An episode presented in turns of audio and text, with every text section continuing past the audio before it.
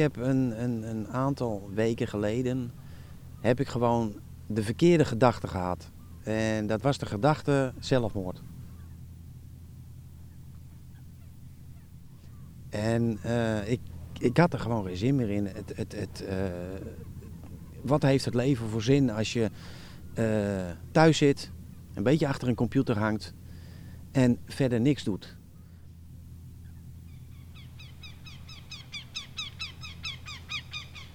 En uh, dan moet je ergens de kracht vandaan halen om toch door te gaan. Toch uh, zorgen dat je die tunnel doorloopt en zorg dat, dat, je het, dat je het einde weet te bereiken. En ik heb één geluk in mijn leven en dat is dat ik twee oppaskinderen heb. Uh, waar ik heel veel van hou. Nou word ik te emotioneel.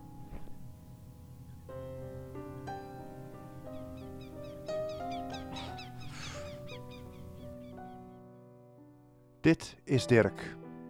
Hij is eenzaam, zeker in deze coronatijd. Hij komt bijna niet meer buiten en spreekt bijna niemand meer. Hij zit binnen, elke dag. Uh, op dit moment uh, loop ik thuis en ik heb een bijstandsuitkering. En uh, door een, een, een, ik heb een ongeval gehad met, bij de tandarts, een kies laten trekken ben ik daardoor ben ik in het ziekenhuis terechtgekomen.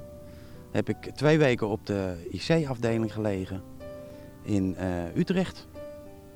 En ben uh, daarna in revalidatie gekomen. En heb er ja, trauma's aan overgehouden, dat wel. Geheugenverlies leid ik eraan. En uh, ja, dat is nu op dit moment mijn leven. Wat, wat mij de dag doorbrengt, de werkelijke dag. Ehm, als ik het op zeven dagen zou moeten beschrijven, dan zijn het sowieso bijna vijf dagen dat ik smiddags eigenlijk altijd slaap. Om sneller de dag door te komen. Of omdat ik, uh, of ik ga uh, mijn computer opstarten. Uh, ga muziek luisteren via YouTube. En ehm, bepaalde nummers zoeken, bepaalde teksten zoeken. Ehm, emotionele nummers zoeken, zodat ik mijn tranen kan laten vloeien. En ja, dat, dat, dat, dat houdt me dan toch een beetje op de been.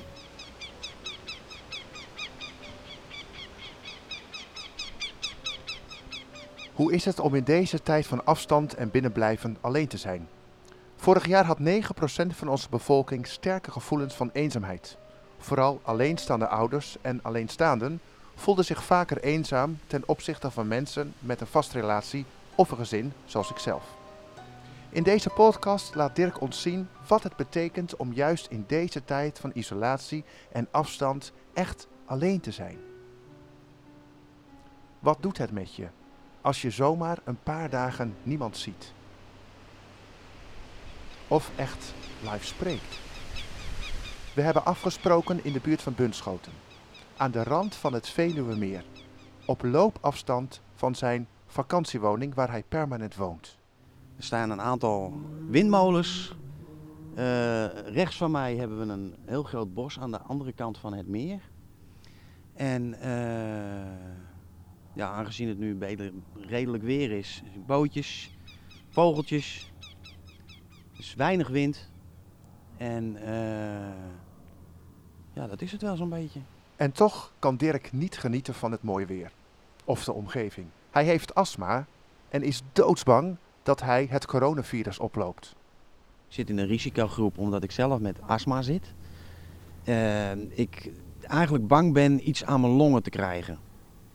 En zelfs een, een, een simpel griepje die bij mensen, de, de gezonde mensen, twee, drie dagen duren, kan bij mij twee weken duren voordat ik het finaal vanaf ben.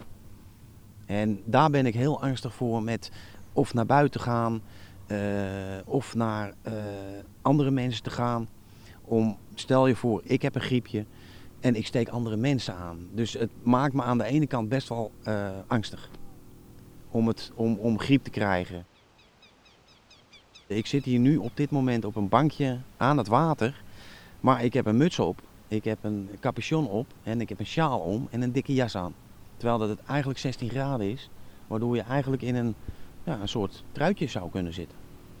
Maar ik zit gewoon dik ingepakt, omdat ik gewoon geen kou wil vatten.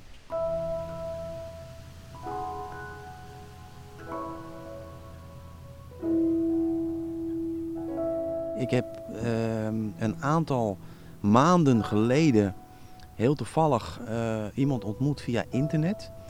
Ehm, ik eh, speel een, een, een ehm, online game, ze noemen het GTA 5. Grand Theft Auto is dat. En ehm, ja, dan kan je dus met een heleboel mensen kan je dus tegelijk in een, in een, in een sessie zitten. En dan kun je met, met z'n allen tegelijk spelen. En ik was toevallig, omdat ik alleen ben, kende ik helemaal niemand op GTA 5. En het is gewoon een heel leuk spel. Maar ik had er niet meer echt veel zin in. De, frustra de, de, de, de, ja, de verveling sloeg toe. En het is maar het alleen zijn en het alleen spelen.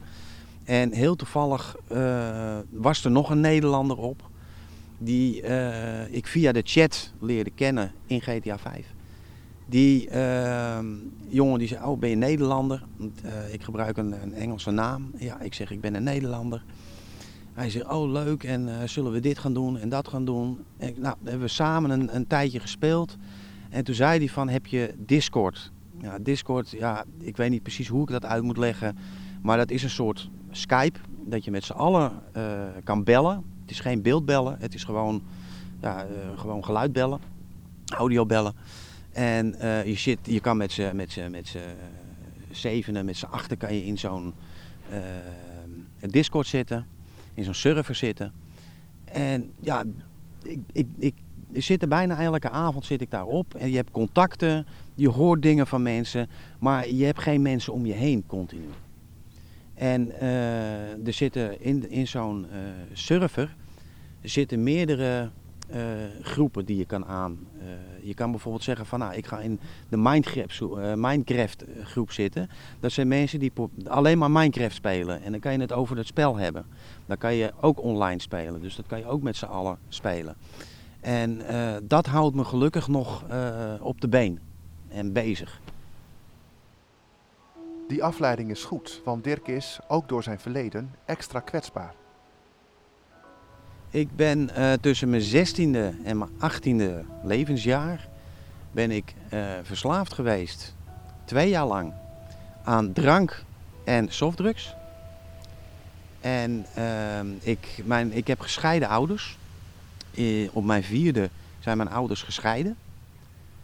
En ehm, mijn, eh, ik ben bij, met mijn moeder meegegaan vanaf Amersfoort weer terug naar Amsterdam. En heb daar tot mijn achttiende geleefd. En uh, toen ben ik, doordat ik verkeerde vrienden had, ben ik eigenlijk gevlucht vanuit Amsterdam naar mijn vader toe in Amersfoort. Uh, mijn vader was al zijn hele leven alcoholist.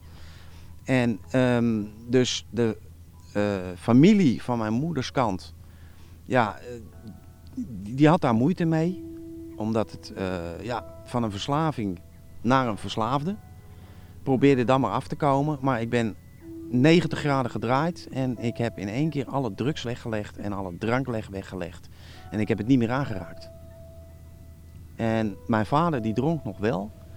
En die heb ik wel uh, mondjesmaat voor elkaar gekregen dat hij minder begon te drinken. Vechten tegen een verslaving is lastig. Maar in je eentje vechten tegen de verslaving is helemaal lastig. Zeker als je in een buurt woont waarin je nog steeds geconfronteerd wordt met die verslaving van vroeger. Een, een terugvalmoment qua uh, drank of drugs is dat er in mijn buurt heel veel wordt gebloot, waardoor ik het ruik. En dat is heel moeilijk om, het kost heel veel energie om daar dan tegen te vechten. Vertel eens, opschrijf dat is. Hoe is dat? Wat, wat gebeurt er dan met je? Uh, ja, het kost heel veel energie om, om uh, er zijn momenten dat ik, dat ik s'avonds om, om zes uur, half zeven, denk van, weet je wat, ik stap op de brommer, ik ga naar een koffieshop. En ik kan zo naar een koffieshop rijden. Maar dan kijk ik wel eens naar buiten en dan denk ik van, ah, het is niet zo warm weer, weet je, laat ik het maar niet doen. Ik moet me helemaal aankleden. En dat is een stok achter de deur om het niet te doen. Maar het, het vechten ertegen, dat is heel zwaar. Zeker in je eentje. En zeker in je eentje. Je hebt je hebt geen hulp. Je, hebt geen, je kan mensen opbellen en dan heb je een gesprek van een half uur. En na een half uur hang je op en dan kan je nog zeggen van... ik kan nog steeds naar de koffieshop. Die is tot 12 uur open. Maar omdat ik gelukkig ook Discord heb. En s'avonds met mensen in gesprek zitten in Discord. Houdt het, weerhoudt het me ook om, om te zeggen van, weet je, ik ga er even een uurtje tussenuit. Ja, ik vind het gezellig, ik ben lekker een spelletje aan het spelen. En uh, ja, s'avonds sluit ik het af, ik ga naar mijn bed toe. Zorgen dat je het spelletje tot na 12 uur speelt en dan kan je niet meer naar de koffieshop. En uh, wow. dat, maakt, dat maakt mij dan, dan, dan sterk.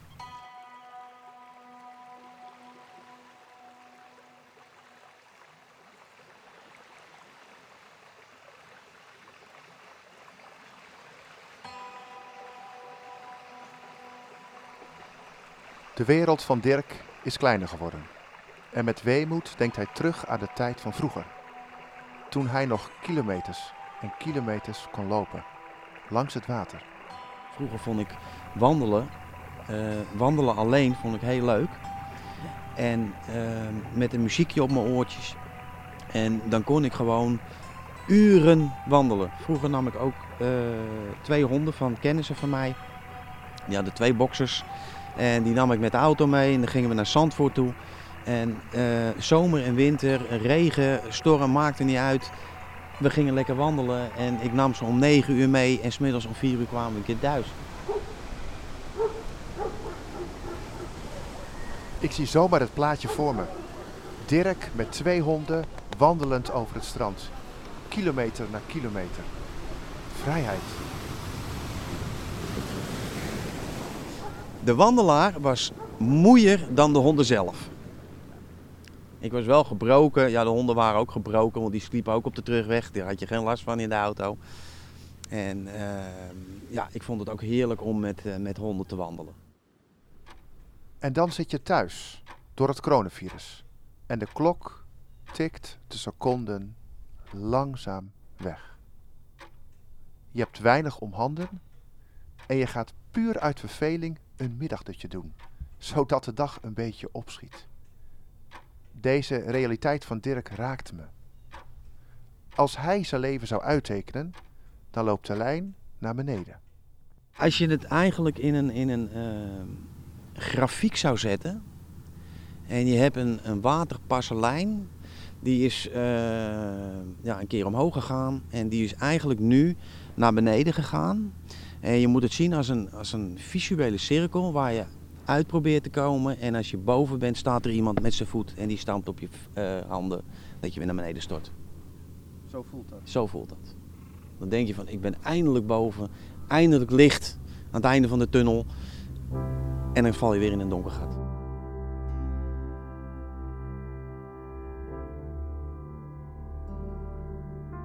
Ja, het is, het is uh, hoe moet je dat zeggen? Het is een soort ja, tweestrijd waar ik, waar ik mee, mee moet dealen. Uh, en um, ik heb ooit een gesprek gehad met een vriendin van mij. Toen hadden we het er eigenlijk ook over. Jaren, echt jaren geleden. En toen zei ze tegen mij van je moet maar één belofte maken. Als je op het punt staat om te springen. Als je op het punt staat om toch te springen, mij eerst bellen. Want zelfmoord is een momentopname. Want het kan zijn als je een stap achteruit doet, dat je in één keer heel anders gaat denken. En om die belofte te houden, moet ik haar bellen.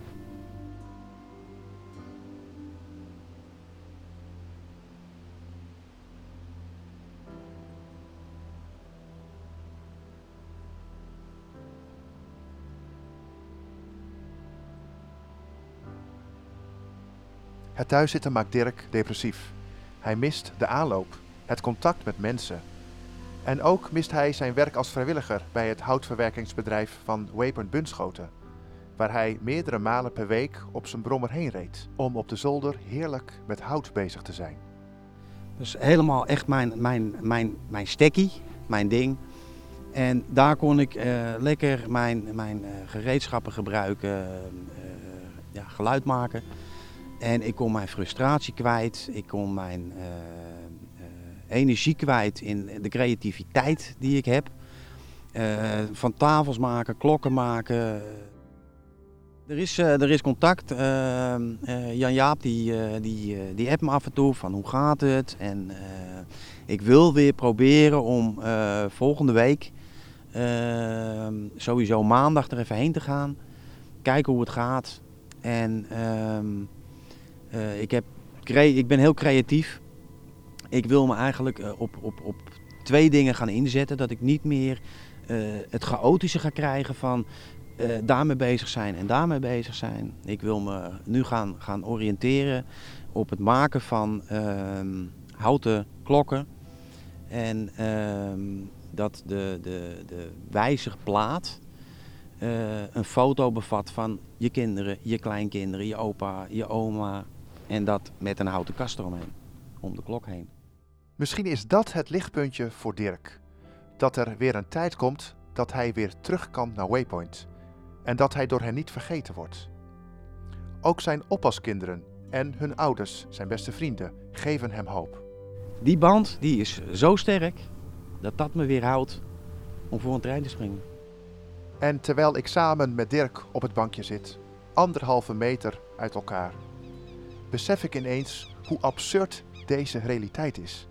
De stralende zon, het Veluwe meer Waar mensen aan het wandelen zijn, de hond aan het uitlaten zijn of genieten van alles wat de natuur geeft. En, en dan dit loodzware verhaal van Dirk. En niemand die het ziet van de buitenkant. Niemand die het doorheeft.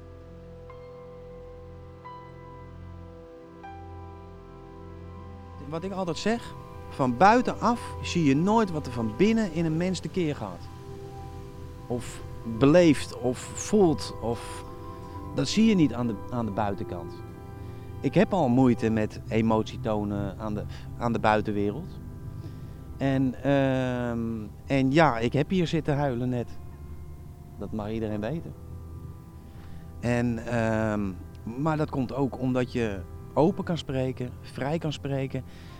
Niet continu mensen om me heen hebt en naar het water staart en, en uh, je verhaal vertelt gewoon op, op het moment van. En normaal is het van dat ik even slik, even me omdraai, even stop met praten en daarna pas mijn verhaal weer verder vertel. Dirk is hier vaker te vinden, op dit bankje aan het Veluwemeer. En dan mijmert hij over, over het leven, maar ook over, over later. Hoe dat dan gaat.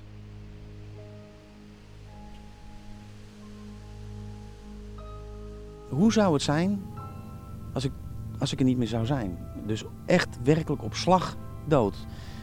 Ik weet wel dat ik echt, toen ik op de IC lag, meer op het randje van de dood aan het, aan het zwengelen was. Van naar beneden klappen of op de berg blijven staan. En ehm, er is mij verteld dat ik 10% overlevingskans had. Dus ja, dat is uh, best wel klein. En ik heb uh, gesprekken gehad met chirurgen. En uh, een van de chirurgen heeft tegen mij gezegd: We hebben letterlijk je leven gered. Zo. Nou ja, oké, okay, dat doet ook wel wat met je. Dat doet ook wel wat met je.